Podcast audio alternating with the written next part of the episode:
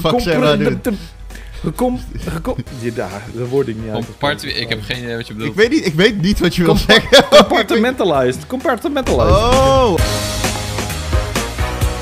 Bam! En welkom bij een nieuwe Powerpraat. Jawel, de podcast van Power Unlimited. Waarbij we het hebben over series, films en vooral heel veel videogames. Mijn naam is Jacco en vandaag zit ik hier met Ron Forstemans en ook Wouter Brugge.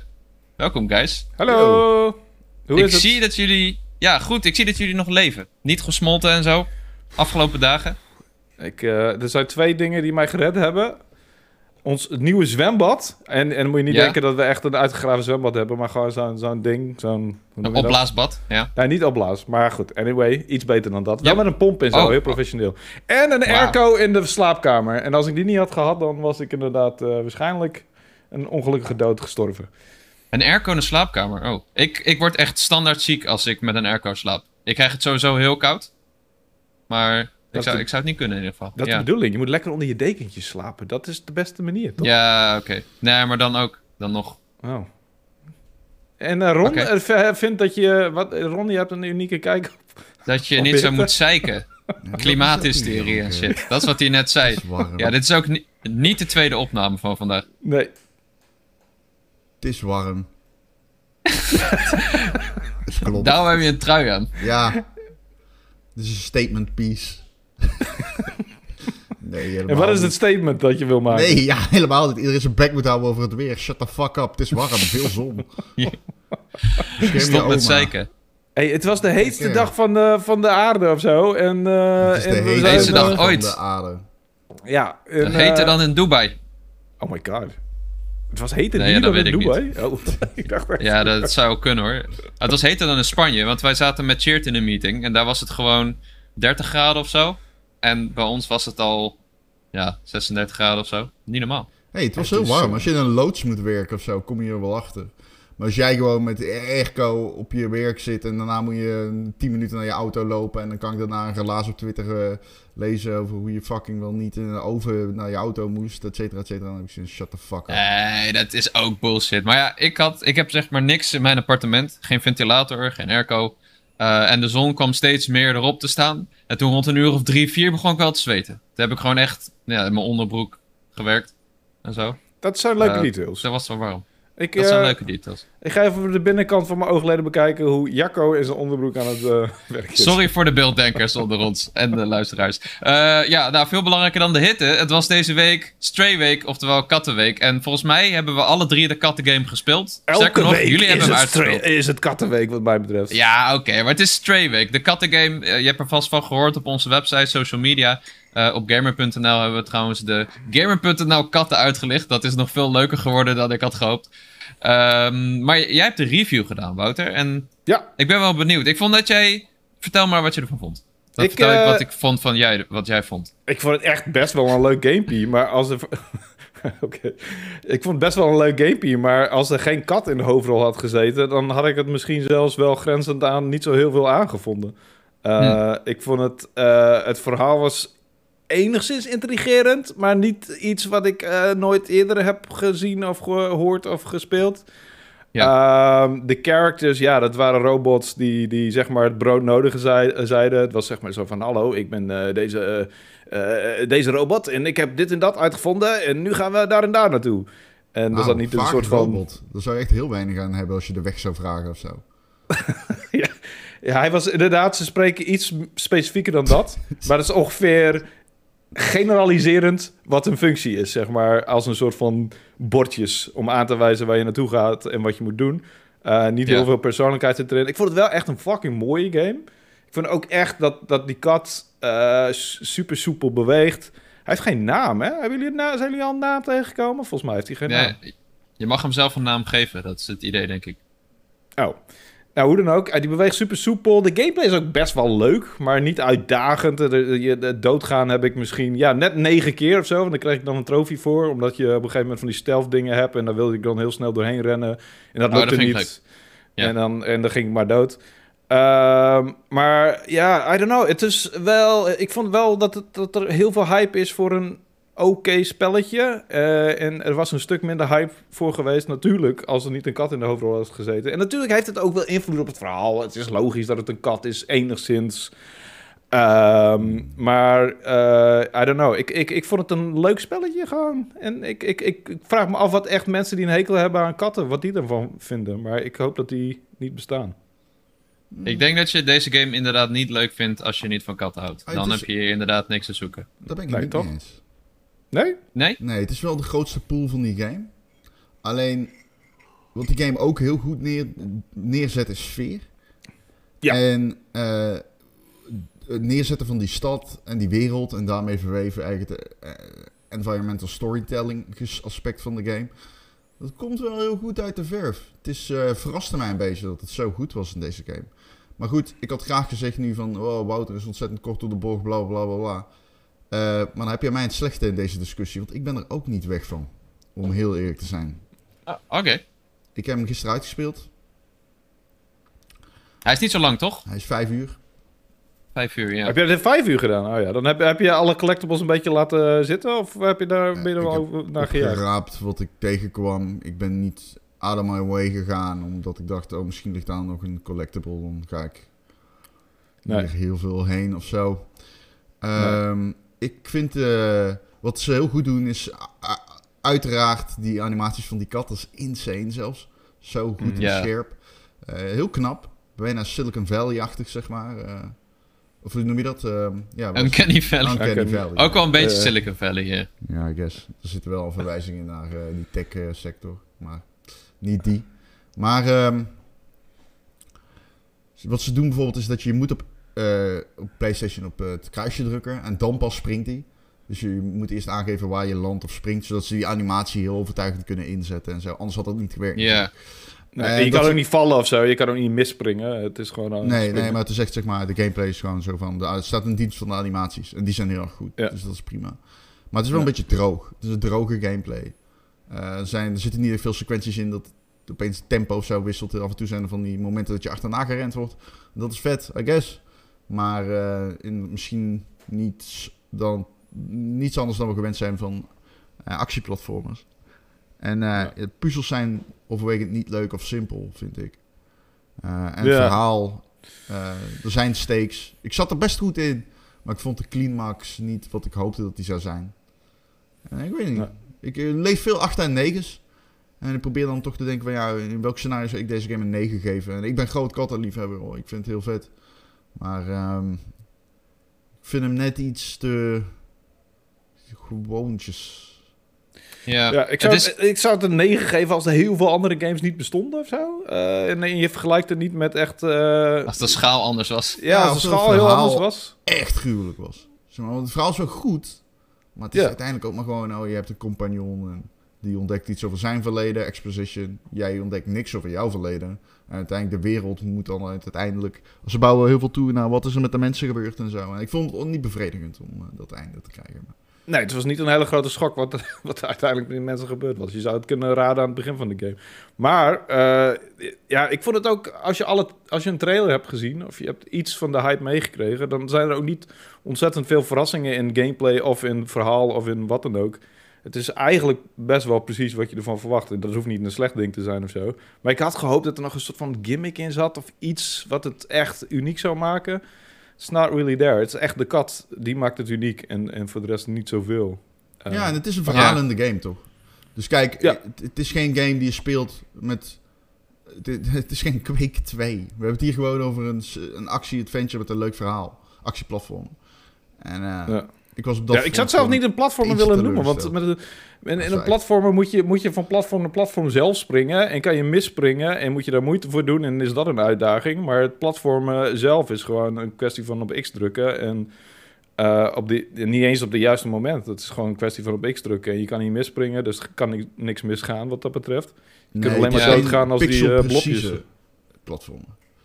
Nee, je kan alleen maar de, de... De enige manier om dood te gaan is als je zeg maar doodgeschoten wordt door die robotjes. Of je, er komen Nee. van die blopjes op je. En dat is de Maar- enige manier. Is het geen platform als je van platform naar platform gaat? Komt u? Ja, ja. Het is, ik zou zeggen dat, de, dat het meer gaat- platform puzzels zijn. Eh, Ja, maar platform... Dat je, je moet een beetje je weg omhoog vinden. Van, Ja, oh, ik precies. moet eerst daarop springen. Dan moet ik even rondkijken. En oh, dan kan ik hierop. En dan moet je soms een... eh de- doe me soms ook wel denken aan Uncharted dat, of The Last of Us. Dat je dan zo'n plank naar beneden moet gooien. En dat je daar dan weer naar beneden moet. En dan moet je daar weer overheen lopen. Ja, dat is een goeie. Het is misschien meer platform puzzel dan platform actie. Ja, het is maar geen platform puzzel denk ik- Eh, Dan denk ik ook wel weer aan een beetje pixelpreciesheid of zo. Ja, ik weet niet. Misschien Eh, zit dat in mijn Ja, het is. Ik zou ja, een beetje eh, blockbuster platformen. Je hoeft eigenlijk alleen maar een beetje een kant op te duwen en af en toe op een knopje te drukken. En dan gebeurt het vanzelf. Net zoals Ja. een Horizon bijvoorbeeld. Ja, het, is net, Eh, het, is- het lijkt op de, de, de klim mechanics van een Uncharted, zeg maar. Je moet, Ja. eh, je moet kijken waar je naartoe gaat en je kan niet vallen, echt. Nou ja, dat kan een Uncharted volgens mij wel, maar... Het is, het, het is gewoon, eh, ja... Ja. Het, het is geen uitdaging in ieder geval. Maar, nee, maar ik vind. Oh, sorry, ja, Jacco, die, vertel. die animaties. Volgens mij hebben we een klein beetje streamdelay vandaag. Dat hebben we bijna Denk ik. altijd als wij opnemen. ja, dat is wel waar. Is- Nee, ik wil alleen zeggen, die animaties die zijn het wat mij betreft wel waard. Aan het begin vond ik het jammer dat je niet vrij echt kon rondspringen, maar ja, misschien wordt het ook wel irritant. En eh, het, het ziet er nu zo goed uit. Je ziet hem echt zo wap afzetten en katten kunnen best wel hoog springen. En dat gevoel heb je wel erg, ook met die DualSense. Dus dat vind ik echt wel cool gedaan. Ja, het ziet er echt wel mooi uit, absoluut. Ik, eh, ik was gecharmeerd door het pushen. Alleen je moet niet echt naar zijn gezichtje kijken, dat is niet heel erg poezelig. Maar zijn animaties zijn... eh het is Die oortjes. oortjes. oortjes wegen wel een beetje, inderdaad. Daar zit nog wel wat karakter Ja. in. Ik, ik bedoel, I mean, de, de kat is cute, daar kunnen we het over eens zijn. Alleen de game is... eh, ik vond het een beetje eh, underwhelming, maar... Maar jij zei in je recensie, die ik heb gelezen, Ja. Oh, dat jij twee punten aftrek zou ze geven aan iedereen die niet van, van kat houdt. Maar dan krijgt hij een Ja, maar- onvoldoende. Nee, oh, 20 zelfs. Ja, nee, 20 20, ook, ja, eh, sorry. 20, als in zeg maar 20 Oh. van de 70. Ja, het is 100, Oh, hè? ja, 100 nee. punten.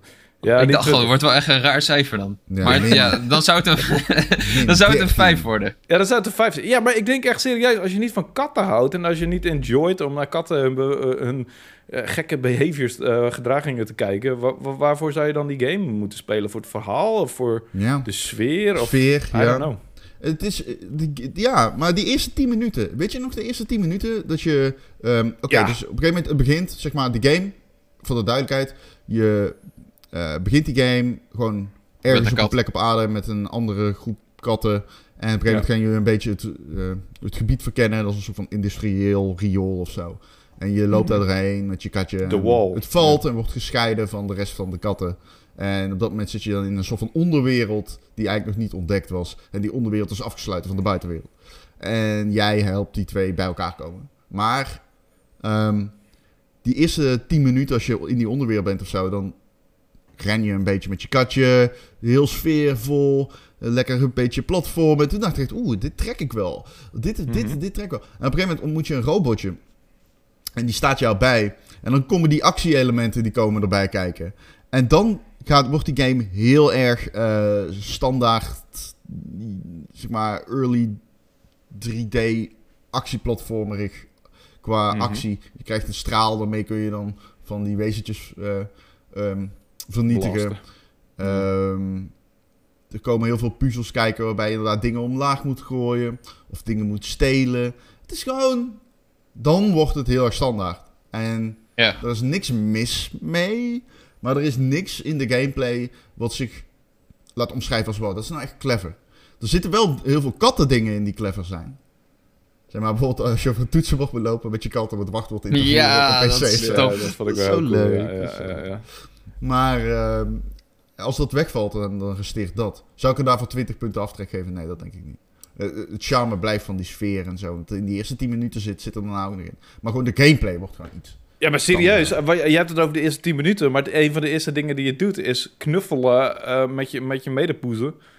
En, en toen was ik eigenlijk al meteen verkocht. En toen was het eigenlijk alleen maar naar beneden gegaan. maar als je, dat, als je niks met katten hebt, dan voel je daar gewoon helemaal geen fuck bij. Dan, dan Ja. knuffel je met een andere poes en dan, eh, dan blijf je volledig emotieloos. En dan, vind- ja, weet ik veel. Dat wat- klopt. Waar, waarvoor zou je überhaupt al verder spelen, vraag ik Ja, me. Eh, Het is een kattengame, dat klopt natuurlijk. Maar ik Ja. vind de sfeer bijvoorbeeld wel echt goed. En ik vind hoe ze die stad hebben neergezet, vind ik ook echt vet gedaan. Dus ik kan me heel goed voorstellen als je scheid aan katten hebt, dat je dat wel gewoon... Kijk, ik, vond, ik, ik had dat ook leuk gevonden met een ander personage. Zeg maar. ja, Met een precies. egel. Maar En dat ik is een beetje het ding. Het had ook een ander personage kunnen zijn. Dat had het, het verhaal niet ontzettend veel veranderd. Het, als het een hond was geweest, wat dan? Ja, dan was... Nee. Maar Ja. ik had ook na 30 minuten, ja sorry, maar na 30 minuten spelen eh, heb, heb ik al die katten dingen wel ook gezien. Want dan is het ook niet meer zo dat ik nog steeds, oh het is een kat. En er kwam nog één ding kwam nog later. En dat was de, iets met een eh, doos.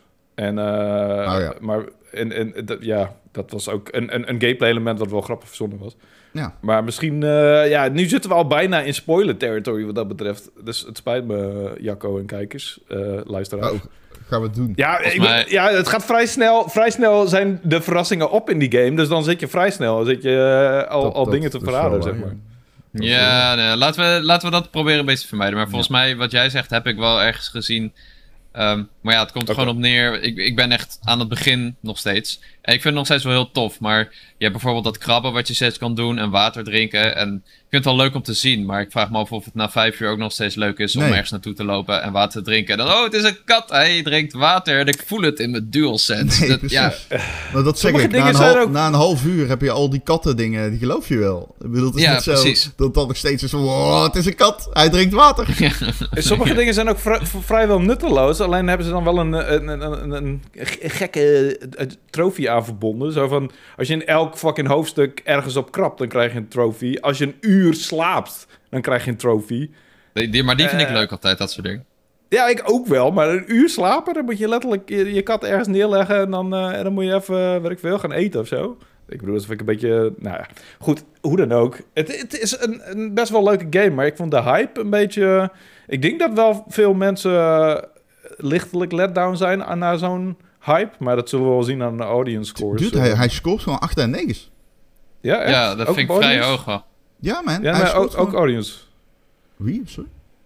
Ook, ook, de- Audience. ook het publiek, zeg maar. Het publiek heeft ook zo hoog gescoord. eh, zo, zo hoog, eh, Kijk jij naar publiekcijfers?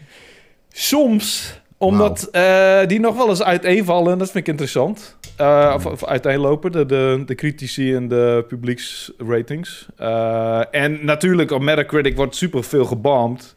En is het heel erg scheef en irritant Ja. ook vaak. En Maar dat zijn honden, hè? Die loggen dan in en dan geven ze die game een 0.1. En dan heb je de katten, die gaan inloggen, die geven hem een 10. En dan die Flameworst. Ik ben benieuwd, wat vonden jouw katten ervan, Ron? Wat, hebben, zij, hebben zij meegekeken? Eh, Ja. ze- ze- wat vonden zij van de representatie van de kat? in Ja, in het begin, ik heb heel veel foto's van Ten- Tekken die voor beeld zit. Te kijken naar die kat dan. ja, ja, zie je serieus? het Ja, echt? ja, ja, ja, ja. Oh, die, cool. dan, maar dan eh, lijkt het ook net of Tekken het hoofdpersonage is. Want die zit dan en de camera kan ik dan zo schuiven dat het net lijkt alsof Tekken de protagonist is. Ja, Tekken dat vond is ik heel interessant. Alleen, Re- eh, reageert hij ook op die miauwtjes of niet? ja, ja, ja, ja. Oh, Ja, er zijn, eh, domme. er zijn ook heel veel filmpjes online te vinden van andere katten die precies hetzelfde doen. Nee, ze reageren wel gewoon echt... eh, ja, het, het is gewoon het silhouet van de kat natuurlijk, dat herkennen ze wel. Ja, precies, ja. Dat vind ik wel wel leuk. Ik moet weer echt weer een kat hebben. Ik heb nu een hond en ik wil een kat erbij. Eh, ja, jij valt wel door, je, door de mand, hè, Wouter? Jij hebt een hond. En jij hebt, zit gewoon weer onder het Metacritic gemiddelde. Ik zie het vanzelf. dat is wat er gebeurd is. Mijn hond die zat me in te fluisteren van... eh wow, dit is kut, wow. en ik zei, oh ja, best wel.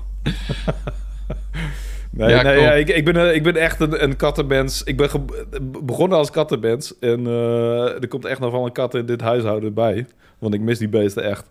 Dus nee, ik, ik, ik heb echt wel een kattenziel. Of tenminste, een, een, ik ben diep van binnen een kattenmens. Ik- Dat is ook wat ik in de intro van, mijn, van de review in het magazine zeg.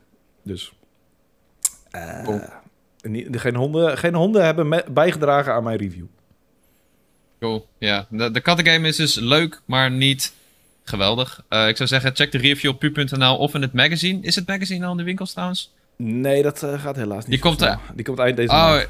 De die gaat deadline vanda- is Die gaat vandaag, hè? vandaag naar de drukker, ja. ja, ja. Oei, Ik ben wel oké. benieuwd nou, wat, eh, wat mensen in de comments ervan vinden. Want er Ja. zijn wel echt gewoon... Ik heb meerdere recensies gelezen van mensen die het echt de Game of the Year tot nu toe vinden. En ook mensen die ik er hoog heb zitten, gewoon in de industrie.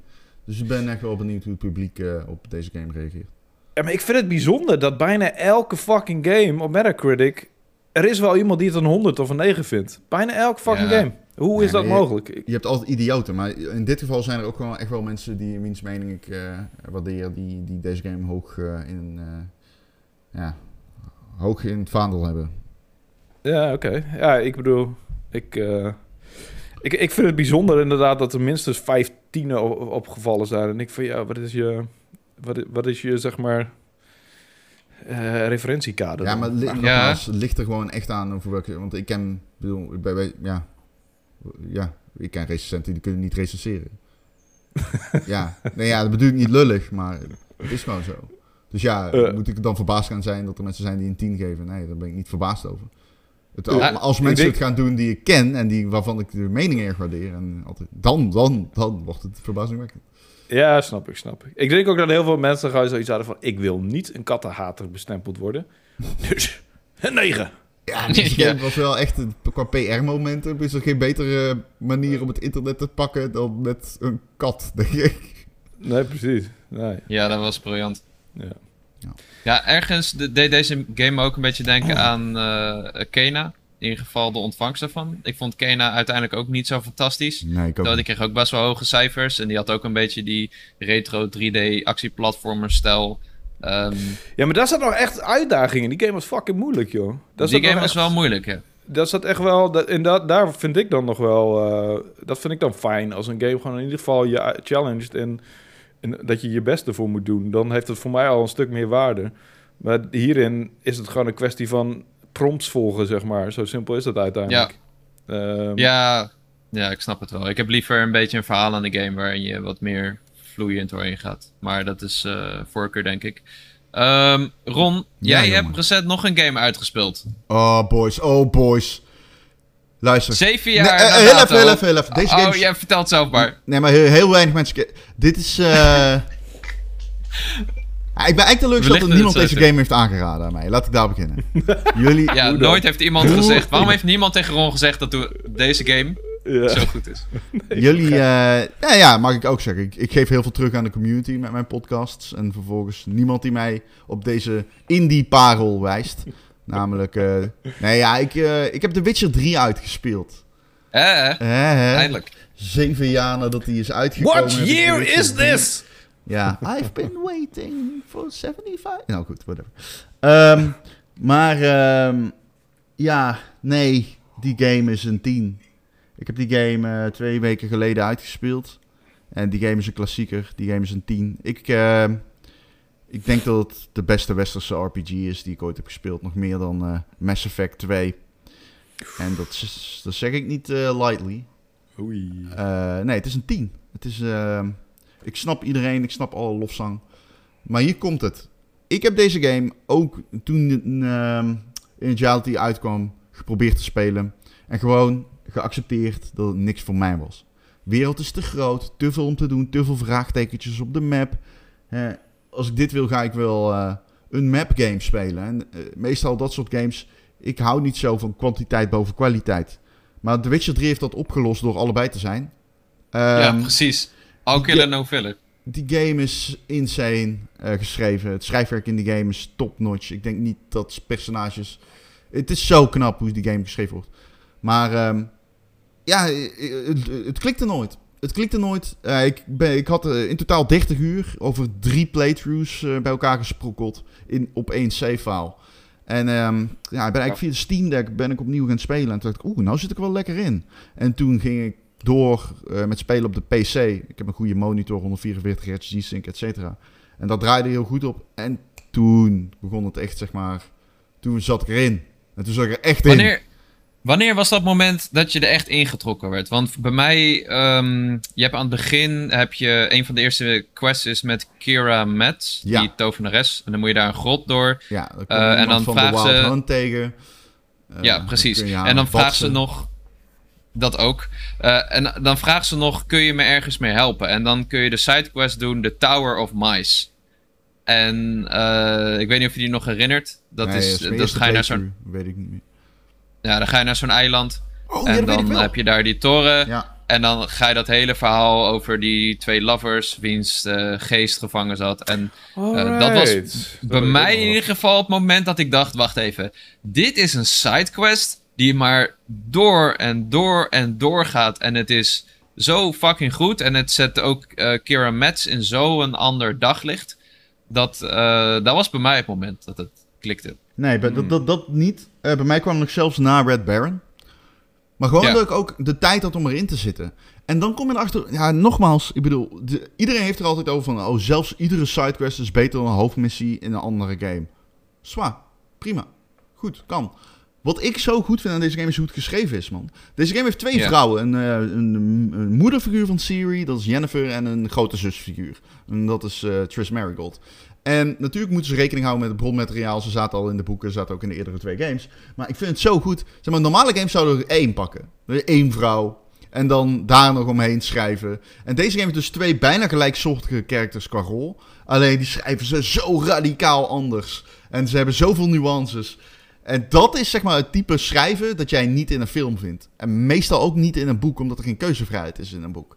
En die wereld vormt zich rondom de personages en de personages vormen zich rond die wereld. En die wisselwerking is absurd. Ik heb dat echt zelden eerder in een game gezien. Ik ga ook zeggen, als ik deze game eerder had gespeeld, als het eerder had geklikt, had ik bepaalde games anders gerecenseerd. En een van die games was absoluut eh, Red Dead Redemption 2 geweest. Wat een fantastische game is, bepaalde dingen heel erg goed doet. Maar er zijn dingen die The Witcher 3 nog altijd beter doet dan Red Redemption- Redemption 2. Waarvan akte. En ehm, ja, die game is insane. Mocht je net als ik afgehaakt zijn omdat, je, omdat het niet klikte, eh, doe wat ik doe, deed. Probeer je niet te veel zorgen te maken om alle dingen om de hoofdverhaallijn heen. Pak de grote vertakkingen in de sidequests, waar vaak eh, de personages bij gemoeid zijn die ook in de main storyline zitten. En eh have fucking fun. Want holy fucking shit, er zitten wat missies in die fun zijn. En dat einde, ik had de good ending, dude, snotterend voor de monitor. Zo goed geschreven. Zo goed geschreven. Ehm, Ja. Ik heb ook bijna niks erop aan te merken. Ja, heel, ik weet er heel veel kritiek is op de combat. Nee, ik vind het wel oké eigenlijk. Zeker richting het einde. Hoe ze Siri badass maken, ook in gameplay, is echt gruwelijk. En Ja, ehm, super OP. ja, ze maken haar extreem OP. Ze maken, eh, ja. Mm, ik, vond sommige dingen, zoals, eh, zeg maar, mijn ik heb althans voor Trish gekozen. En uiteindelijk komt het dan in een prentje samen. Niet echt eh, een missie dat je samen met haar thuis zit of zo. Maar goed, ik moet de deal zien hoor. Dus wie weet. Wie weet. Ik, eh, ik ben zeer geenthousiasmeerd. Het is echt Ja, serieus sick, man. mijn top 10 beste games ooit gemaakt. Leuk. Ik had hem uitgespeeld. Ik heb meteen die tweet geschreven. Fucking insane. Ja, goed. het is mijn, mijn Favo game ooit gemaakt. En eh, we hebben natuurlijk de meme op Pu, de 88. Wouter, hoe sta jij zeven jaar na The Witcher 3 erin?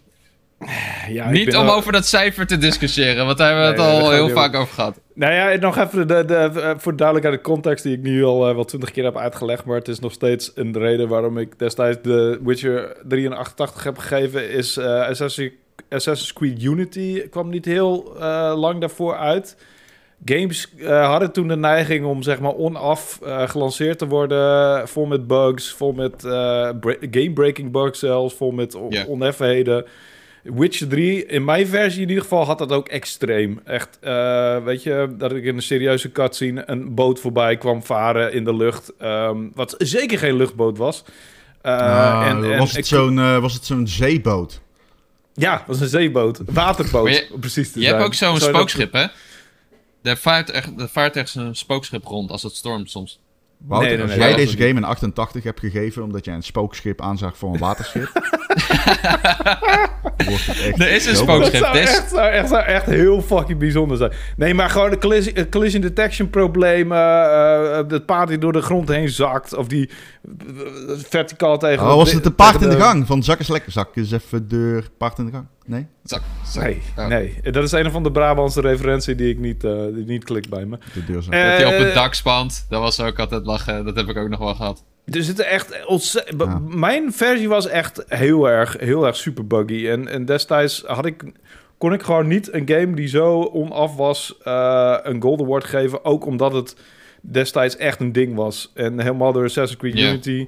Maar dat niet alleen. Ik vond ook de combat eh, helemaal niet stimulerend. En dat, heb, dat is ook echt iets wat niet veranderd is nadat ik de game op Deathmarch heb gespeeld. Ik dacht op Deathmarch zou het wel anders zijn. En dan heb je echt die potions nodig. Maar nog steeds Mag ik waren jou een een vraag paar- stellen? waren een paar eh, spells en potions die ik kon gebruiken. En die, die, die kon ik overal voor inzetten. En dan haalde ik het gevecht gewoon. Stel een vraag, Ron. Ja, waarom de fuck zou je deze game op een hoge moeilijkheidsgraad willen spelen? Omdat ik uitdaging, van de uitdaging hou in de game. En omdat ik... eh, ehm, graag, zeg maar... Weet je, je hebt al die fucking potions. Je kunt al die dingen kun je craften. Je hebt eh, verschillende soorten armors. Als al die shit voor niks is, omdat je ook gewoon met je minimale armor en zonder potions en zonder fancy zwaarden die game kan doorspelen, waar de fuck doe je dat dan allemaal voor? Waar is dat hele, die hele laag van de gameplay, waar is die dan voor bedoeld? Ja, ik snap Voor wat je bedoelt, Voor, ja. voor de leukheid. Voor de leuk... Ja, Ja, maar Eh, hoezo ik had is dat leuk er- dan? Bedoel. Ja, Nee, maar ja, hoezo is het leuk? Combat is toch gewoon een vehikel voor het verhaal? Het is toch niet zo dat die combat op zich een... eh, Ik, Ja, weet niet waarom, ik- eh, ik weet niet waar, jij, jij speelt het liefst games zonder uitdaging en met alleen verhaal dan. The, The Witcher 3? Of ik uitgedaagd wil worden in The Witcher 3? Nee. Ik wil... de- Waarom niet? Wat, als als Nee, het allebei kan. Ik wil niet? weerstand. Ik wil weerstand. Maar ik hoef Ja, geen... precies. Nou, dat is wat weerstand is, toch? Ik bedoel, als je geen ja, ja, ja, maar er is een gradatie aan weerstand. Deathmarch is de allerhoogste moeilijkheidsgraad van The Witcher 3. Nee, zo moeilijk is dat niet. Try it. Nou, ik snap- hard. Ik snap wat je bedoelt. Ik had het deze week met iemand over en ik weet niet meer wie het was. Maar die zei, ik vond The Witcher 3 ook niet zo leuk. Want toen die, voordat hij uitkwam, werd hij heel erg gepresenteerd als een, ja, monst- een soort Monster Hunter-achtige game. Waarin je inderdaad je helemaal moet voorbereiden op een jacht. En Ja. eh, je gaat de juiste potions craften. En die, je gaat je juiste, eh, noem je dat, die oils voor je blade zoeken. En al die andere dingen. Eh, juiste armor. En dan ga je dat monster verslaan. En dan eh, heb je daar weer nieuwe spullen van en zo. Maar ja, dat is Dat uiteindelijk niet niet waar die game om draait. Nee. Ja. En ik denk het dat ding ze is, ik, ik, op een gegeven moment had ik zelfs elke keer als ik... Ik begon zelfs vijand te omzuilen. Want dan begon dat het muziekje weer. Dan begon die vrouw weer te kakelen. Ik dacht van, ja, fuck it, weet je. Ik ga wel om vijanden heen lopen. Ik heb er helemaal geen zin meer Ja. Want dit was jouw eerste Bij mij begon die, begon die combat gewoon tegen te staan. En als dat een essentieel fucking onderdeel van de game is... Want hij is een monster hunter... eh, of wat was hij ook weer? Hoe noem je hem ook weer? Een, een, een, een Professional. killer. Een witcher. Monster Hunter. Witcher. Witcher, hey. Een hekser. Een hekser. Eh, dan, dan eh, ja, ik, ik, ik begon gewoon die combat gewoon, die vond ik gewoon op een gegeven moment, en ik, het schrijfwerk is inderdaad fucking briljant. Ik heb die, eh, ehm, een van die hoofdschrijvers gesproken en ik heb hem alleen maar pluim in zijn reet gestoken en ik heb een aantal super subtiele voorbeelden genoemd van, van wat hij zo fucking briljant heeft gedaan. Ik heb op een ge- gegeven moment heb ik zelfs eh, beslissingen begon ik opnieuw te doen. Ging ik terug naar save games, omdat ik mezelf kut voelde over beslissingen die ik had genomen. Eh, en, en het waren echt niet eens sidequests, dat waren gewoon side-side quests. Gewoon hele kleine gebeurtenissen in de game. Dus het schrijfwerk, super briljant. Ik vond het, het- het- wat dat betreft is het bijna niet beter gedaan in geen enkele game. Maar ja, een, een game is meer dan alleen ehm, een goed verhaal. Dat is de hele fucking Als ik jou hoor, is dus eigenlijk de fout, de grootste fout, is dat je hem op Deathmarch hebt gespeeld. En dus daarom te veel combat had. Nee, want ik heb die 88 gegeven voordat ik hem op Deathmatch heb gespeeld. Oh, oké, ja, nee, daarom vroeg ik. Is dat je eerste keer? Nee, Nee. nee, ik heb En omdat hem- je die boot zag, die spookboot. We hebben nu het mysterie eindelijk ontrafeld. Het was geen bug, het was een spookboot. Die Maar, echt eh, super zeldzaam is, hè? Dat is best wel lastig te vinden. Nee, maar Het ik- was, ik- het was, het, het was eh, oké, dit is één van de voorbeelden. Hè? Ik bedoel, als dat echt ja, inderdaad nee. een fucking spookboot was, eh mea culpa. Maar het lijkt me nog Mensen steeds in de comments, sterk. hold your horses. Want ik zat, echt, ik zat Ja. echt serieus bij de kust en ik zat in een soort van havendorpje. Dus als daar toevallig een fucking spookboot door de, de lucht heen ging... Ja, I mean, het kan, I guess. Eh, lijkt me fucking sterk. Hoe dan ook, het was een van de vele voorbeelden. Die, ga- die game die... eh, er zijn superveel updates overheen gegaan natuurlijk in de afgelopen jaren. Dus eh, Ron heeft ook een hele andere versie gespeeld dan ik heb gespeeld. En heeft het in een hele andere context gespeeld. En, en ik snap ook wel dat de bare bones van die game is briljant. Maar voor, voornamelijk de, de combat en de bugginess is twee dingen die mij erop... Die ervan weerhouden om het een Gold Award te geven. En ik... en misschien, weet je, als ik, als ik hem nu weer speel, dan denk ik van ja, misschien, eh, misschien moet hij alsnog een Gold Award krijgen. Maar dat is niet hoe het werkt. Dat is niet, een game komt uit op het moment dat hij uitkomt. En in de context en in de jaar, het jaar waarin die uitkomt. En dan geef je het een cijfer. En het is niet een, eh, het is niet een game as a service die, weet je, ehm, waarvan je je oordeel steeds aan kan passen. Maar Oh, ik, ja. ik bedoel, nogmaals, het is een fucking briljante game eh, voor velen. En dat snap ik. En ik, eh, er zijn duizend redenen te noemen waarom. Waaronder inderdaad de sfeer en de muziek en de fucking... De winderigheid ook op sommige plekken. Sommige plekken zijn er fucking naar ook, weet je. Ik, ik- Ja. die, die, die boom met, met die mensen die er allemaal aan opgehangen zijn. Die, dit is ook een, een van die dingen die op mijn netvlies gebrand staat gewoon. vellen. eh, Eggman's Tree. ja. Ja. en daar waait het en het is onguur. En, Sowieso, En de- bomen en wind in die game zijn een gouden combinatie. Ja, Ja. dat heb ik ook nog nooit echt eerder zo in een game ge- eh, gedaan zien worden, weet je. Dat is heel- echt heel uniek. En, ehm I mean, ik love die game op mijn eigen manier. Maar ik was, net wat ik zeg, ik had gewoon na twee keer uitgespeeld te hebben, had ik gewoon geen zin meer in die, in die add-ons. Ik, ik, ik had gewoon zoiets van, ja, ik heb, ik heb een toffe tijd gehad en voor mij is dat wel genoeg. Ze zijn Ehm, goed hoor, de DLC's. Jacco, Jacco, Holy hoe, shit. hoe erg ga ik genieten van de DLC? Want jij hebt ze gespeeld. Nog meer dan eh, de main game. Let's go boy. Hearts of, ja, Hearts of Stone is echt een... Hij kwam ook uit met Halloween. Het is echt een goed horrorverhaal. Yeah. Het, is, het is- speelt zich af in de bestaande wereld, in een hoek die je nog niet helemaal hebt verkend. Ehm, het is best wel een, een, een relatief klein verhaaltje. Echt zo een mysterie over. Ja, ik, zal ik kan er beter niks over zeggen, maar de, de- er zit één heel indrukwekkend en best wel eh, spannend personage in. Wat je helemaal aan het begin van de game ontmoet. Waar, waar, waar je eerst niks van denkt, maar dat was al een verwijzing naar die DLC. Eh, en Blood and Wine is gewoon echt veruit de mooiste regio van die game. En ehm, het, het- dat is echt gigantisch. Echt bizar hoeveel ze daar nog hebben bijgebouwd. En wat voor quests ze daar nog hebben Nou, ingestopt. je niks. ziet ook ik wil, dat ze... Ik wil het niet meer horen. Ja, ik ben Eh. daar dus aan begonnen aan Blood and Wine, samen met Lucas in zo'n streamserie. En helaas Ja. hebben we toen twee streams hebben we überhaupt moeten proberen om mijn save games terug te halen. Want ik, ik weigerde om die fucking game helemaal opnieuw te beginnen. Terwijl ik echt een save game heb met letterlijk alle armor ever. En Ja. de beste, beste fucking equipment die er bestaat en alle shit. Dus eh, toen hebben we gestruggeld om, om de save game, eh, zeg maar... Gewoon überhaupt een save game van, van, van de PlayStation 4 die niet werkte for some reason, omdat er duizend updates over waren gaan. Dat is ook wel een beetje CD Projekt Red hoor. Het is niet alsof zij super gelikte Ja, producten is- afleveren. Ehm, en toen uiteindelijk hebben we hem eh, gaande gekregen. En toen wilde ik hem ook per se op Deathmarch spelen natuurlijk. En toen eh, hebben we één stream heb ik tegen het eerste monster gevochten en 15 keer dood gegaan. en, toen, en toen vonden mensen dat niet heel erg boeiend. En toen zijn we met die serie gestopt. Dus eh, ja, dat, dat ligt ook een beetje aan, aan mijn anale eh insteek eh, over games. What the fuck Maar- er allemaal? En, en, en Blood, Blood and Wine moet ik dus eigenlijk nog wel een kans geven. Maar ja, Ja man, ik kom hem dan met tijd. mij afmaken. Speel, speel tijd. met mij samen op stream. Oeh, nou, dat lijkt me hartstikke tof. Dan, Ja, kan, dan, kan jou, dan kan ik jouw enthousiasme, zeg maar, opzoken als een spons. Ja man, en dan kan ik je ook één ding kan ik je ook behoeden voor een hele grote fout. Want er zit los van de regio nog een heel stuk in wat je kan missen. Als ik het een beetje vaag hou. Er is best een groot stuk wat je kan missen en dat is echt insane. Oh, Maar echt? goed, Je ja. kan dus, oh, dat, is, dat vind ik altijd mooi aan dat soort games. Dat je Ja, maar als je, als je een goed hart hebt, dan kom je er wel. Als je goed hart hebt, dan weet je het wel. Sorry, Ron. Ron zit al te kijken van, fuck, dit zijn spoilers. Ik, heb, ik zeg niks. Ik heb de Ik eerste, wil- eerste playthrough heb ik altijd een goed hart in dit soort games. En dan de tweede playthrough eh, doe ik mijn best om zeg maar een slecht hart te hebben. En dan lukt dat een soort van beetje half. Oké. Ja. Gelukkig. Wisten jullie trouwens dat ik eh, wel The Witcher 3 een Gold Award heb gegeven in het blad? Ja, dat klopt. De Switcher. De Switcher. De, die Swi- had jij. de Switcher 3. Dus had ik hem ook genoemd. Ik had hem eh, eh, een 92 of zo gegeven. En volgens mij was er een andere game. Die kreeg van Raf een 80 of zo, of een 70. En toen had Martin nog een heel voorwoord geschreven over hoe redacteuren heel erg hun eigen kijk hebben op games en eh, aan de hand daarvan cijfers geven. Dus een, eh, de 91 is misschien de andere niet en zo. Ik had, eh, ik had het helemaal gefokt, Martin probeerde het recht te breien. Maar terecht, want ik dacht, dit is de beste game ooit en ik kan hem nu in het klein spelen. En het ziet er niet fantastisch uit, maar het werkt. En toen dacht ik, nou, het is geen 100, maar een 92. Even voor duidelijkheid, hè. ik snap echt duizend procent waarom mensen dit de beste game ooit vinden. Ehm, Ja, ja. En ik, ik snap, het, ik bedoel, de reden waarom ik het niet vind is, eh, is... Het heeft ook een beetje te maken omdat, en dat is toevallig, ik heb net Dragon Age Inquisition tot een game monument uitge, eh, uitge...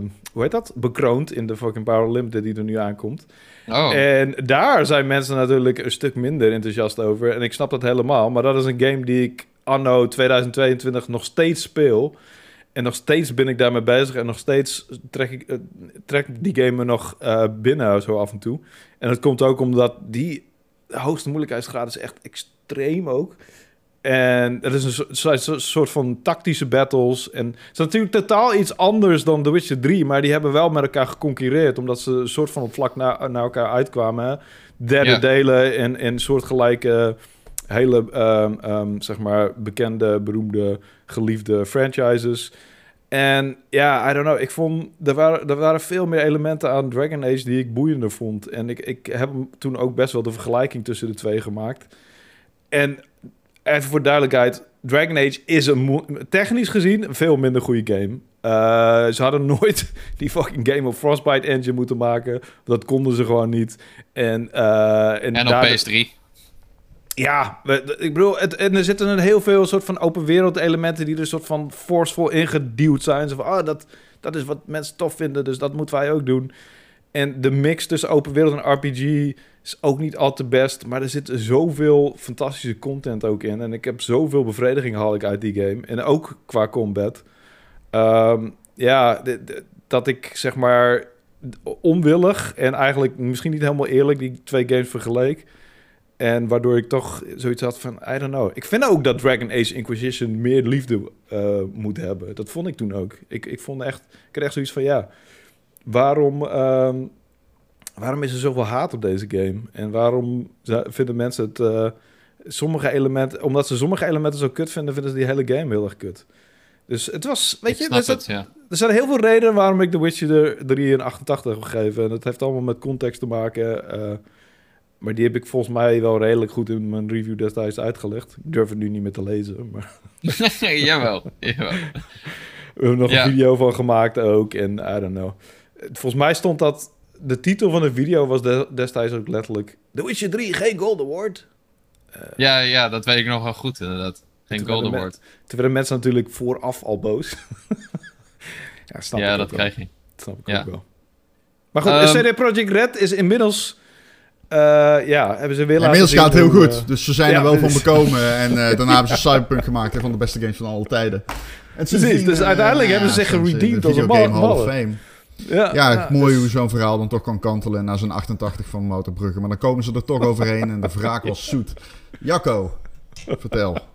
Ja, eh, er waren nog wat nieuwtjes en geruchten deze week. En ik wil het even hebben over Assassin's Creed. Want we kregen niet één gerucht over een setting, maar twee. Want eh, Assassin's Creed Rift, dat zou de volgende game zijn. Die zou zich afspelen in Bagdad. Dit is die game die vermoedelijk over Basim gaat. En ehm, Wie is Bassie? dat is. eh, Basim is een personage uit Assassin's Creed Valhalla. Blijkbaar, want ik weet, volgens mij ben ik hem niet tegengekomen. Ik heb die game nooit helemaal uitgespeeld. Eh, maar ja, die zou dus zich dus in Bagdad afspelen. Dat zou de volgende Assassin's Creed game zijn. Dat was volgens Jason Schreier van Bloomberg. Eh, maar toen kwam Jeff Grubb van eh, ja, de Game Mass podcast onder andere. Eh, en die zegt, nou, er is ook een game in de maak die zich afspeelt in het oude Japan. En dat is eigenlijk veel vetter. Ik, echt, Valhalla is echt qua sidequests en zo tegenovergestelde van fucking The Witcher. Niks Ja. is daar belangrijk. Zelfs de hoofdmissies heb ik zoiets van meh. Maar goed, anyway, dat is echt een sidestep. Eh, nou, ja, je ziet wel dat ze wat inspiratie hebben gehaald uit The Witcher. En ze, ze proberen wel iets meer van die icoontjes af te stappen. Door iets meer op het ontdekken met die puntjes en zo. Eh, maar ja, goed. eh, ehm, wat ze zeggen is dat Rift misschien een, Oh, wat, eh, een, een kleinere spin-off wordt. En dat volgens mij die Japan-game meer onderdeel wordt van Assassin's Creed Infinity. En in Assassin's Creed Infinity moet een soort van hub worden. waarin je verschillende experiences, settings in het Assassin's Creed-universum kan beleven. En dat Ja. is. eh, dat wordt gewoon zeg maar de, de, hoe heet dat ding ook alweer waar die altijd in gaat? Eh, de, Animus. de Animus inderdaad. De Infinity is de Anim- Animus en dan via de Animus kun je dan allemaal verschillende memories ingaan. Is een beetje... Tenminste, dat is wat ik me ervan voorstel. I don't know. I'm basing this on, on nothing, maar... Ja, en eh, het idee is volgens mij ook dat ze dan iets meer kunnen experimenteren met Assassin's Creed. Ehm, want eh, volgens mij waren er ook plannen voor multiplayer. En dat betekent niet dat elke game dan multiplayer wordt, maar dat je meer. Dat je Assassin's Creed een- 2 had toch een multiplayer al? Of niet? Ja, ja. nee, Ja. Brotherhood was het. Volgens Ja? mij. Oké. Dacht Dat Brotherhood de eerste was. Eh, maar wat eh Grub ook nog zei is dat die game in Japan meer weg zou hebben van de gameplay van de oudere delen. Oftewel, het zou meer een actie-stealth game worden dan zo'n grote open wereld game. Wat wel logisch klinkt ook misschien, want ja, je kan niet zo'n Infinity volstoppen met allemaal Valhalla-sized games. Ja, maar goed, eh, Assassin's Creed Japan bestaat al. Maar goed. Dat is Ehm, Ghost, ja. Ja, Ghost of Tsushima. Maar, oké. en, ja... Was Ik- het ik een wel- game in Japan? Of was dat China? Van China. Dat was China. Dat was die, die, die side-scrolling Chronicles-achtige Chronicles, ja, eh, ze hadden drie sec- eh, dingen, toch? Waar ik China, echt- Rusland En, en India, volgens mij. India. ja. Ja. Toen was ik al zo extreem verzadigd van Assassin's Creed dat ik die al nooit meer uitgeprobeerd heb. Maar die waren wel oké of zo, eh, dacht ik. ja, volgens mij was het ook wel oké. ja. We hadden toen iemand die ze beoordeelde, die, eh, ja, wiens oordeel over Assassin's Creed ik eh, sinds de eerste game al niet meer serieus nam. Is het Jan Anyway. Meijers? Nee, eh, ja. Ja, je dacht toch niet dat ik dit... Jij dacht toch niet dat ik dat moment liet schieten, Wouter, hè? Dat dacht je toch niet, hè? Anyway. ehm, maar, dus ze hebben wel naar de kritiek geluisterd van... Ik denk veel mensen, maar ja, dat is moeilijk om te bepalen... dat Valhalla te fucking groot is. En dus Ja. maken ze een kleinere, intiemere game. Of games. Volgens mij was het laatste eh, gerucht hierover, kwam volgens mij ook van Bloomberg, dat ze eh, die Infinity gebruiken om iets meer te experimenteren, iets meer kleine ervaringen te maken en dan eens in de zoveel jaar wel zo'n grote game Right. maken. Maar de, de, de, geruchten over een Assassin's Creed Japan... die gaan volgens mij al sinds Assassin's Creed 3 eh, Brotherhood of zo. En dat bleek Ja, elke keer niet waar te zijn. En het zou wel ironisch zijn dat net nadat... of een paar jaar nadat Ghost of Tsushima uit is gekomen... dat ze denken van, weet je wat, wij gaan nu lekker ook Japan doen. Ah, logisch. Ook wel ik. logisch, ja. I die guess. game Maar heeft het goed gedaan. Hij heeft bijna 10 miljoen keer verkocht volgens mij. Zeker, maar ook lastig om het beter te doen dan die game, lijkt me. Eh, of überhaupt vergelijkbaar goed. Ehm, maar ja, dat, ik bedoel, los daarvan... eh, Assassin's Creed, eh, hoe ver zijn jullie gekomen in Valhalla? Of überhaupt gespeeld? Jij wel? Ja, Ja, ik weet niet meer hoe ver. Ik heb een uur of 30, 40 erin zitten. Maar ja, die game is natuurlijk gigantisch. Ik ook Dus zoiets ik mij. ergens tot, tot de helft ben ik gekomen. En ik vond het erg leuk. En het, hij kwam ook uit op de launch van de Series X natuurlijk. Dus dat was mijn eerste next-gen game die ik echt speelde. Uh, Mhm. Maar volgens mij kwamen kort daarna ook weer best wel veel andere games. En ja, heb ik hem gewoon niet meer opgepakt. Ik vond, ja, ik vond Valhalla cool. Het was ook de eerste game die ik echt sinds tijden in de franchise had gespeeld. Ik had Origins ben ik ook vrij vroeg mee afgehaakt. Odyssey heb ik ooit een keer gekocht, maar nooit aan begonnen. Gewoon omdat ze zo groot zijn. Um. En Valhalla vond ik het wel echt lekker om als een viking gewoon super lomp die dorpen te plunderen en mensen twee te hakken en zo met een bel. Ja, de Um, actie was wel een stuk vetter, ja. Maar dat was al een beetje sinds eh, eh, Origins significant verbeterd. Want de eerste Assassin's Creed was natuurlijk een kwestie van afwachten en counteren... en dat was de hele combat. Ja. Eh, en toen gingen ze met Origins die iets uitdagendere kant op. Hoe vaak ga ik het woord uitdagend nog noemen? En hoe vaak cringed Ron dan nog van, denk je? Ik Ehm, cringe vooral omdat we al 10 minuten over deze fucking scheidgame hebben. Fucking Ja, hell. kijk, gelukkig. Ik wist wel. Ik dacht, ah, gezonde haat. Breng het. Breng Ja, het. Wat oh, vind ja, je het kutste aan Assassin's. Creed? Helemaal niet. Nee, ik vind het gewoon... eh, ik vind het gewoon triple E diarree. Triple E diarree. Love Ja, it. dit is de deze game is gewoon kapot gemaakt door mensen die gewoon hebben gekeken naar wow, hoe kunnen we de breedste mogelijke demographic aantikken qua sales. En die hebben gewoon alles erin geflikkerd. Vervolgens gezegd, hey, je kan hem 200 uur spelen, ook al is 190 uur niet leuk. En heb je... ik weet niet, ja, ik, ik weet dan toevallig hoe het einde gaat. Het leukste aan die games vind ik wel hoe belachelijk het schrijfwerk is. Het is fucking batshit crazy wat ze later in de game doen. Het verhaal gaat alle kanten op, maar op een manier die ik eigenlijk nog wel kan waarderen. Maar om Oh ja. daar 200 uur aan generated bullshit voor uit te zetten, no thank you sir. Ik speel Maar- graag eh, mijn game. Heb je het nu over? Dat- dat- Dat zeg ik. Daarom is het ook Ah, ja. de, de, de, de, de tegenovergestelde van The Witcher. Want The Witcher is alles een soort van quality control to the max. En je hebt zeker. echt het gevoel dat er één persoon is die alles overziet en alles in controle houdt. Zo van, dit is het verhaal en dit mag je ermee doen. En bij Far Cry en bij Assassin's Creed is het tegenovergestelde van... Oh ja, heb jij eh, een kut idee voor een sidequest? Sure, Ja. we doen het wel. Sure, let's go. Kijk, Weet begrijp je- mij niet verkeerd. Er zijn mensen die ik deze game zou aanraden. Er, zijn, er is een type gamer. Eh, een collega van mij, comes to mind. Die eh, heeft heel veel lol met Far Cry. Die eh, heeft net Spider-Man afgerond. En die doet dan alles en die vindt dat super leuk. En zo iemand kan ik met een zeer gerust hart Assassin's Creed Valhalla aanraden. Want dat is precies die content waar hij naar op zoek is. dat gezegd hebbende, dat betekent niet dat het op ieder front heel erg goed is. Dat is het gewoon niet. Nee, er is ja. een type gamer voor die echt inderdaad een jaar lang zo'n game bijna elke dag speelt of zo. Ik weet ook niet Ja. precies hoe dat werkt. En nee, En- dat is, daar is niks mis mee, man. Dat is echt Nee. letterlijk helemaal niks mis mee. Er zijn mensen die spelen alleen FIFA of Call of Duty.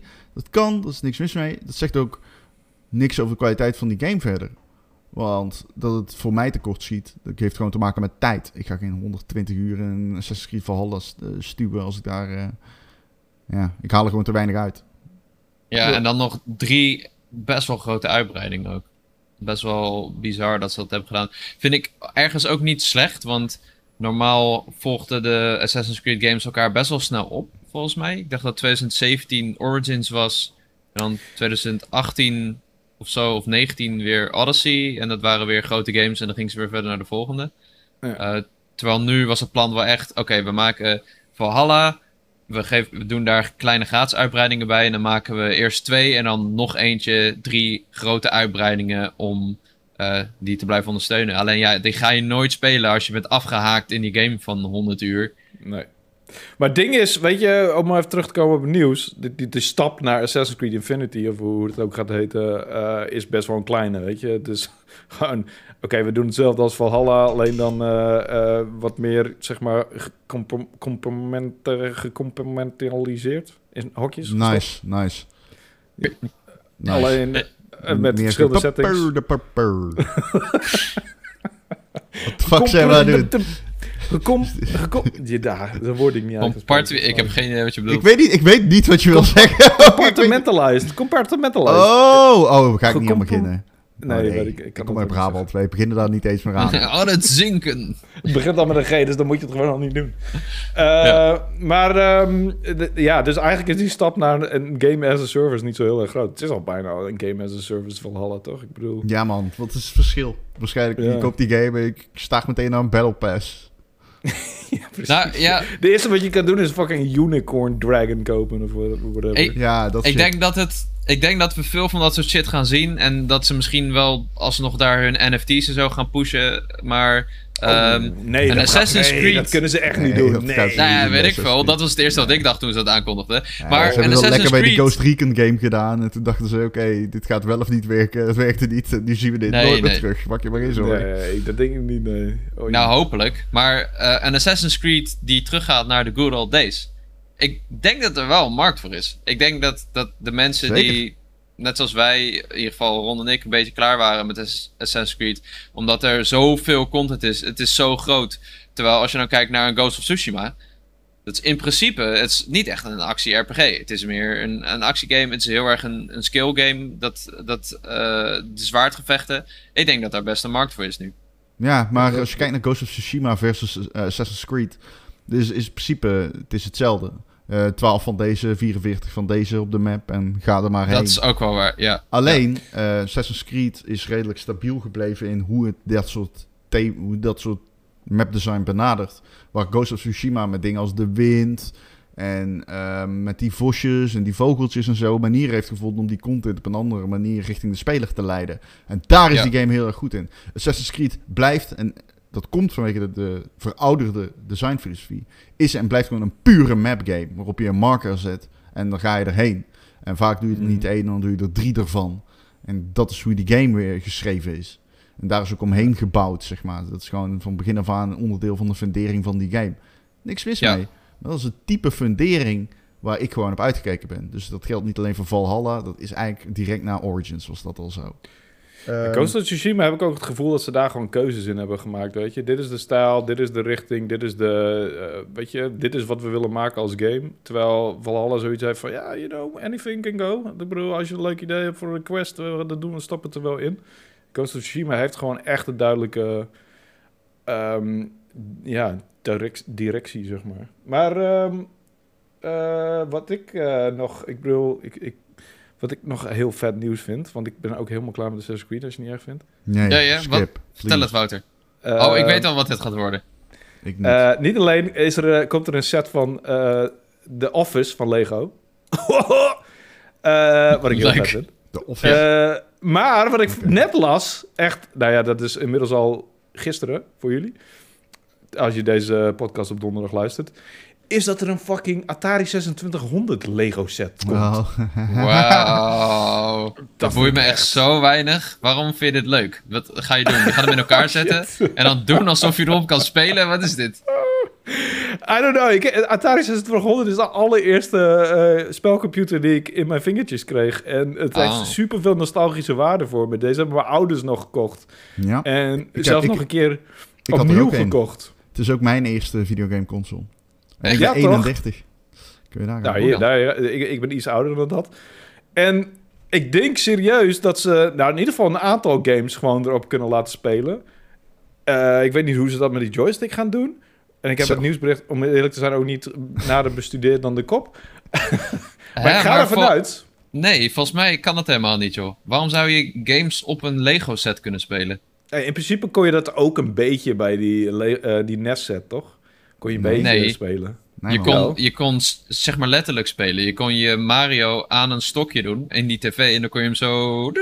Ja, precies. Ja, Wouter dat, heeft dat is toch Nou, niet... zoiets. Wouter Zoiets. heeft iets, iets, iets te snel geweest met het lezen van de kop. Voelde de trigger over zijn enthousiasme. En kwam er toen achter dat hij eigenlijk helemaal niet weet waar het over gaat. Nee, ja, ik bedoel, eh, kun je, zou je er helemaal geen game? Ik bedoel, dat, wat, wat die NES deed, vond ik ook al best wel cool. Het, het beweegde iets op het scherm. Voor mij is dat ook wel genoeg. I don't know. Ik vind het wel leuk om... Maar dat dat was gewoon handmatig, hè? Er was geen technologie bij de Dat was geen technologie, ja. Nee, dat klopt. Nee, het was niet inderdaad... Het was een soort van poppenkastje. Dat klopt, ja. De NES Ja, het is een een doos podcast. in SpongeBob. Weet je die aflevering dat SpongeBob en Patrick in een doos gaan zitten? Ja, dat ze hele wilde avonturen beleven. Dat is zeg maar, dat is zeg maar entertainment zoals met de NES Lego. Nou, nog steeds, eh, nog, steeds, nog steeds hyped. Als dat het is, dan vind ik het nog steeds vet. Als een toffe... Ik ben blij voor ik je, zou, Wouter. Ik zou hem hier zo neerzetten en er fucking trots op zijn. En, Ja, tuurlijk. eh, Maar de en het in elkaar Atari, zetten is ook al leuk, weet je. de Atari eh, eh, eh, 2600 aka, de VCS, is, eh, is, mijn, is, is een legendarische spelcomputer die niemand die dit luistert kent, denk ik. Die letterlijk niemand die dit luistert kent. Ik denk wel, wel sommige mensen, maar wat... eh kon je daar Pac-Man op spelen dan? Was dat die? Ja, Eh, ja, de allereerste Mario game. Ja, En Space Invaders en eh, Pitfall. Eh, Pong is... Zat hij Pong. daar ook op? ja, volgens ja, mij wel. zo- het- Ja, die had ik wel. nog niet. Dat zijn wel klassiekers. Ja, nou, de, de, de- hij- de Pong was 1974, deze is 1981 of zo. Weet later. ik, alleen- Maar misschien kun je hem erop spelen. Dat is De maker van Pong is betrokken geweest bij eh, het oprichten van Atari. Ja, precies. Maar goed, ik doe dit Daarom. allemaal uit mijn hoofd. Maar Maar, Pac-Man sowieso. En Miss Pac-Man later. En allemaal van die arcade klassiekers. En ehm, ja, het was, eh, het was super rudimentair. Het waren blokjes. eh, bewegende blokjes op beeld. Maar ik, ik, ehm, ja, ik heb daar het, het, het gamen van geleerd. En, Zullen we eens eh, kijken welke games er allemaal op de Atari 2600 zijn? Ja, heb Ja. je niet sowieso ook een mini-versie daarvan? Of bestaat die nog niet? Dat kan niet anders, toch? Iedereen, er was toen zo'n hype na de mini-NES dat iedereen zo'n zo'n mini-classic versie ging uitbrengen. Ja, ik weet niet. Misschien wel, maar volgens mij niet. Want Even er is wel een eh, Amiga 500 mini uitgekomen, volgens mij. Als ik me niet vergis. Je had natuurlijk de PlayStation Mini, de SNES Mini, en NES Mini. Ik kan me niet herinneren dat er een Atari 2600 uit is gekomen. Maar volgens mij wel een Commodore, maar niet een Atari 2600. Volgens mij was dat het. Wat is het? Sorry, ik was Oh. even niet. Ik was eh, naar de games aan het kijken. Een mini. Mini, ja. Een Oh, mini-classic. nee, dat- zo. Je hebt een. Commodore eh, Mini heb je sowieso. Dat was zo'n toetsenbordje. Ehm, die was ook best wel crappy trouwens, volgens mij. Ik weet niet wat er mis mee was, maar het, het, het was niet eh, wat mensen ervan hoopten. Oh nee, er is wel een, een- de, er is wel een Atari. Ja, die heet de Atari VCS. De Atari 2600 is gelaunched als de Atari VCS, de Video Computer System. Ja. Eh, daar is een mini van. Ja, Ja. een micro heet die. Een micro zelfs, wauw. Ja, Ja, het, het, er is, het, Kom het kost natuurlijk ook niks om, zo, om die games op een, weet ik veel, eh, om die games te verkleinen. Het zijn 1 KB games of zo, weet ik veel, hoe, hoe, hoe, hoe ze dat vroeger maten. Maar die games we- wegen natuurlijk helemaal niks. Ehm, maar goed, het lijkt me cool. Ik bedoel, zodra ik een plaatje zie, eh, hoop ik dat ik niet teleurgesteld ben. Maar vooralsnog is het een aankondiging. Ik ben En- blij. Als je in, in elkaar hebt gezet, dan mag je hem laten zien, ja? Ah, zoals je hier op de achtergrond kunt zien, kijkers. Ik, ik hou wel van een beetje Lego. Hier is eh Ghostbusters Back to the Lego. Future? Nee, dat is Ghostbusters. Oh, Ghostbusters. Oh, Ghostbusters. En daar is, eh, wacht even, De eh, Iron Man. eh, ja, de Hulkbuster. Iron De Man. Hulkbuster, ja. Best. En daar is de Hulk. Kijk. Eh, Wauw. En oh, en daar is de Infinity Gauntlet. Die heb ik van mijn vrienden gekregen. Vet. Is die van Lego? groot Ja, die is van Lego. Shit. Dus, eh, you know, ik hou, ik hou wel van een beetje Lego. Vet, man. Ja, ik was in Barcelona aan de Lego store. Die was ook echt insane. Ze hadden de Sagrada Familia hadden ze zo daar in het midden nagebouwd. Cool. Echt bizar. Nog meer een nieuws? Lego. Nog meer nieuws. Ik had nog één nieuwtje. Ik denk dat we daar nog wel even over moeten hebben. Want eh, vorige week was ook een presentatie van Skate. Punt. Zo heet de game. Eh, hij wordt free to play. Wat vinden we daarvan? Ik was eerst, ah, kut, dit is echt een red flag. Weer een free-to-play EA-game. En toen ging ik nadenken en toen dacht ik, nou weet je, Full Circle, deze ontwikkelaar, ehm, die is wel heel open over het ontwikkelproces van deze game. Ze durven pre, pre, pre-alpha footage te tonen van de game. Hm. Ehm, ze, eh, het zijn sowieso sympathieke gasten. Ze hebben Skate groot gemaakt, de eerste drie delen. En ehm, ja, misschien is het ook wel de manier om Skate aan een groter publiek te tonen. Ehm, dus ik weet het nog niet. Ik denk dat, dat ze. Ja, misschien verdienen ze een kans. Als je dit niet boeiend vindt, dan wat- komt, eh, hoe heet dat? Nacon, die komt nog met Session. Wat wel Session, gewoon ja. een... eh, Ja. dus ja, je hebt de keuze in ieder geval. Wat ik nog wilde zeggen hierover. Want ik vind, ik denk dat free-to-play best veel sens maakt bij Skate. Aangezien die gericht is op cosmetics. Ja. Ehm, dus ik denk dat het op zich wel logisch is. Ik denk dat die game anders waarschijnlijk niet gemaakt was. EA heeft gewoon interne targets te halen. Op het moment dat een Skate niet genoeg verkoopt als niet free-to-play game, wordt die niet uitgebracht, dames en heren. Dat is hoe het werkt. Dus Ja, ik heel veel teleurgestelde reacties van mensen die zeiden... EA geeft alleen maar om geld. Maar daar wil ik toch even iets over zeggen. Want dat is, eh, het blijft van mensen zo moeilijk om te beseffen, heb ik altijd het idee. Ik mis echt nuance bij mensen die ze redeneren vanuit EA geeft alleen maar om geld. Dat is een opmerking die lees je altijd in de gaming-industrie. En snap het sentiment wel, maar ik vind dat zo kort door de bocht. Iedere uitgever geeft alleen maar om geld. Snap je? En Ja. ehm, ik, ik, je, je mag eh, best boos worden over een videogame, maar mijn ervaringen met boze gamers zijn niet per se heel erg goed. zijn niet per se altijd geweldig. En Anders dan Activision Ik- Blizzard, die alleen maar om mensen geeft. Weet je? ja, of Sony die je naar het ziekenhuis brengt als je je teen stoot. Kijk, dat, zo werkt het natuurlijk niet. Maar in het verlengde daarvan, het valt me gewoon op, het sentiment in deze industrie is bij dat soort dingen echt anders dan in andere industrieën. En bedrijven weten dat ook. Bedrijven weten dat gamers heel gepassioneerd zijn. Dat er fanboys zijn. Eh, gaming communities zijn soms echt super fel. Bedrijven spelen daarop in. En ehm, soms erger ik me een beetje aan het idee dat eh, bepaalde bedrijven volgens communities meer geven om de speler dan anderen. Eh, ergens is dat wel degelijk zo. Je hebt bedrijven die gewoon sympathieker zijn. Ehm, maar zeker bij grotere uitgevers als Microsoft en Sony is dat ook maar gewoon PR, dames en heren. Het is ook maar sommige, gewoon een manier. sommige bedrijven hebben gewoon betere community maar management en PR inderdaad. Ja. Het is Ja, ook maar gewoon een manier om meer geld te verdienen. En ik heb een beetje. Ja. Ik heb echt een hekel aan die ongezonde nadruk in deze industrie op alles altijd alleen maar voor het geld altijd. Want luister, dan besef, snap je het punt niet. Namelijk, het zijn allemaal bedrijven. En ik ben altijd bang dat mensen daadwerkelijk denken dat ze hun persoonlijkheid kunnen ophangen aan een bedrijfsstrategie. Want dat is wat dat is. Het is gewoon een bedrijfsstrategie. Dus probeer, Ja. als je dat bij jezelf ziet, probeer daar een beetje van weg te blijven. Want dat is namelijk echt iets voor kinderen. En eh, dat bedoel ik niet als in kinderachtig. Nee, dat is letterlijk iets voor kinderen. Bedrijven richten zich daarop. Toen Epic Fortnite eh, aan, toen Epic eh, Apple aanviel op eh, die Fortnite dingen, Ja, precies. Ja. dat deden Ja. ze letterlijk gewoon om kinderen te ronselen voor een strijd. Dat is, dat is, dat is niet kort door de bocht. Dat is zo. Ja, Zij weten- de hashtag Save Fortnite of zo. Save Ja, Epic. save Fortnite. Ze komen meteen met een ma- marketingcampagne. Meteen met een filmpje van... Oh, kijk eens wat, Epic, wat Apple heeft gedaan. Ze hebben jullie Fortnite weggenomen. Ze hebben jullie Fortnite weggenomen van de Apple Store. Wat gaan jullie nu doen, jongens? Save Fortnite. Weet je wel? Ja. En dat soort shit. Als je, als je op Wees zoek bent waakzaam. naar, eh, als je op zoek bent naar, me- naar, naar gameontwikkelaars die niet zo met geld bezig zijn, dan moet je naar indies kijken. En dan moet je naar gasten kijken die een Vampire Survivors maken of zo. Die zijn nog niet met geld bezig, want die maken gewoon iets uit hun passie. Maar die hopen uiteindelijk natuurlijk ook geld te verdienen. Ja, en ook zij hebben. PR-campagnes die leunen op community-gevoel. en ook Ja. Devolver is inmiddels gewoon best wel een grote uitgever. Hè? Met, Ja. eh, Fall Guys.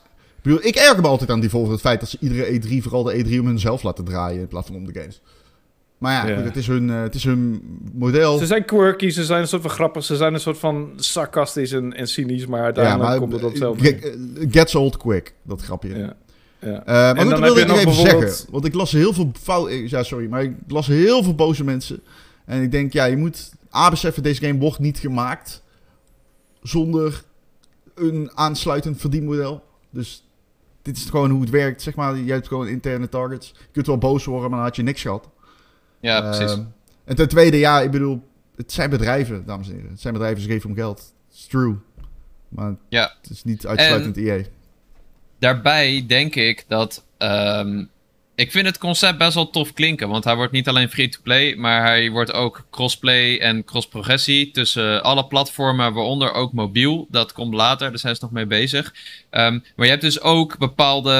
Hoe noemen ze die dingen? De collab zones. En dat zijn dus bepaalde gebieden in de wereld. Waar je op de een of andere manier zelf je shit kan indelen. Wat klinkt als dat je je eigen skatepark kan maken. En dan kun je dus mensen uitnodigen om daar te komen skaten. Dus eh, het klinkt in mijn oren een beetje als een soort GTA Online. Waarbij je gewoon met je vrienden inlogt. Samen lekker een rondje gaat skaten. Misschien een skateparkje bouwt. En lekker wat challenges gaat halen. Ehm, zonder pay to win, zeggen ze. Zonder betaalde lootboxes. Dat betaalde, eh, op, nadruk daarop. Dat moeten we nog even onthouden.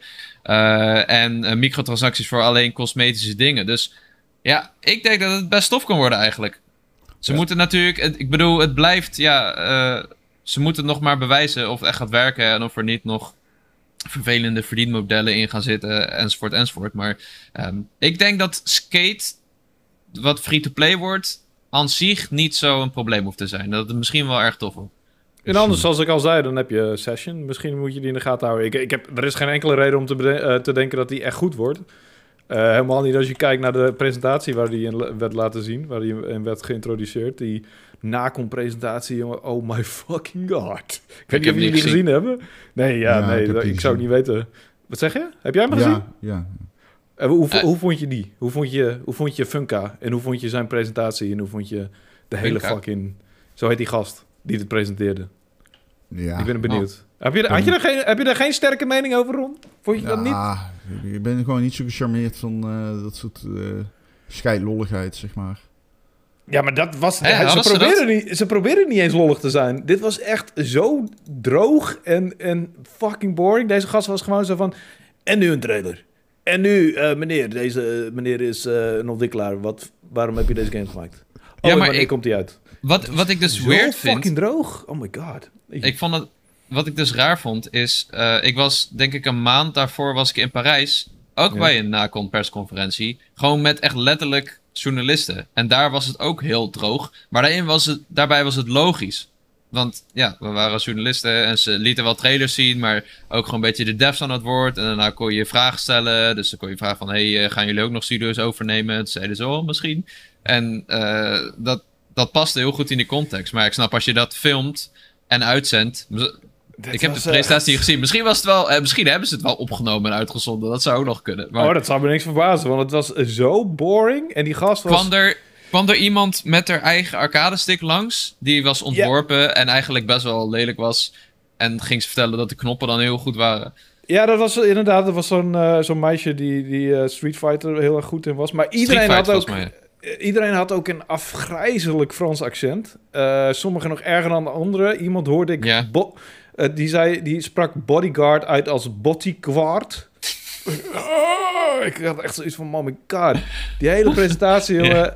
En uiteindelijk, weet je, er zaten heus wel wat leuke games tussen. Maar ze wisten die games gewoon niet te presenteren. De trailers waren ook echt zo van epische muziek. En een een of ander filmpje gemaakt van, zeg maar, stilstaande beel- beelden. En dan drie seconden gameplay. En dat was dan, en dan kwam de titel. En dat was Hmm. dan, de helft van de trailer zag er zo uit. En sommige, daar eindigden ze met Terminator. En het enige wat je zag was een, een exoskeleton. En hoorde je een soort van zwak, zwakke versie van, van de bekende Terminator theme. En, en de Robocop... Oh, nee, die heb ik niet gezien. En de Oh, Robocop, game, ja, dat was echt alleen maar één, één groot schietfestijn. Dat wordt ook echt helemaal niks. I don't know. Het is... En als het een eerste presentatie was geweest, dan snap ik het. Maar dit was volgens mij hun derde al of zo. En ik heb ook maar... Dit is de eerste keer dat ik hem zag überhaupt. Maar goed, ik heb hier al over gerend en een ander pauwpraat. Dus laat me zitten. Ik, ik, Oké, dit, was, dat mag. dit was een van die dingen waarvan ik denk... Dit is waarom de, eh, zeg maar de, de industrie niet, niet heel snel volwassen wordt. Als ze dit soort dingen nog steeds op deze manier doen. Oei, oei, oei. Zet. Nou ja, op, eh, op die noot ben ik bang dat we moeten afsluiten, Wouter. Sorry. Oeh, dat is wel een hele Sorry, luisteraar. Ja, ga je nog iets leuks doen binnenkort? Eh, ik ga vanmiddag streamen. Ik ga Ninja Gaiden spelen. Oh, Eh, Welke? welke? De eerste. Oh, de riem. Welke? Bl- Sigma of Black? Sigma. Eh, ik heb besloten om hem niet op hard te doen. Eh, dat leek me goed voor mezelf.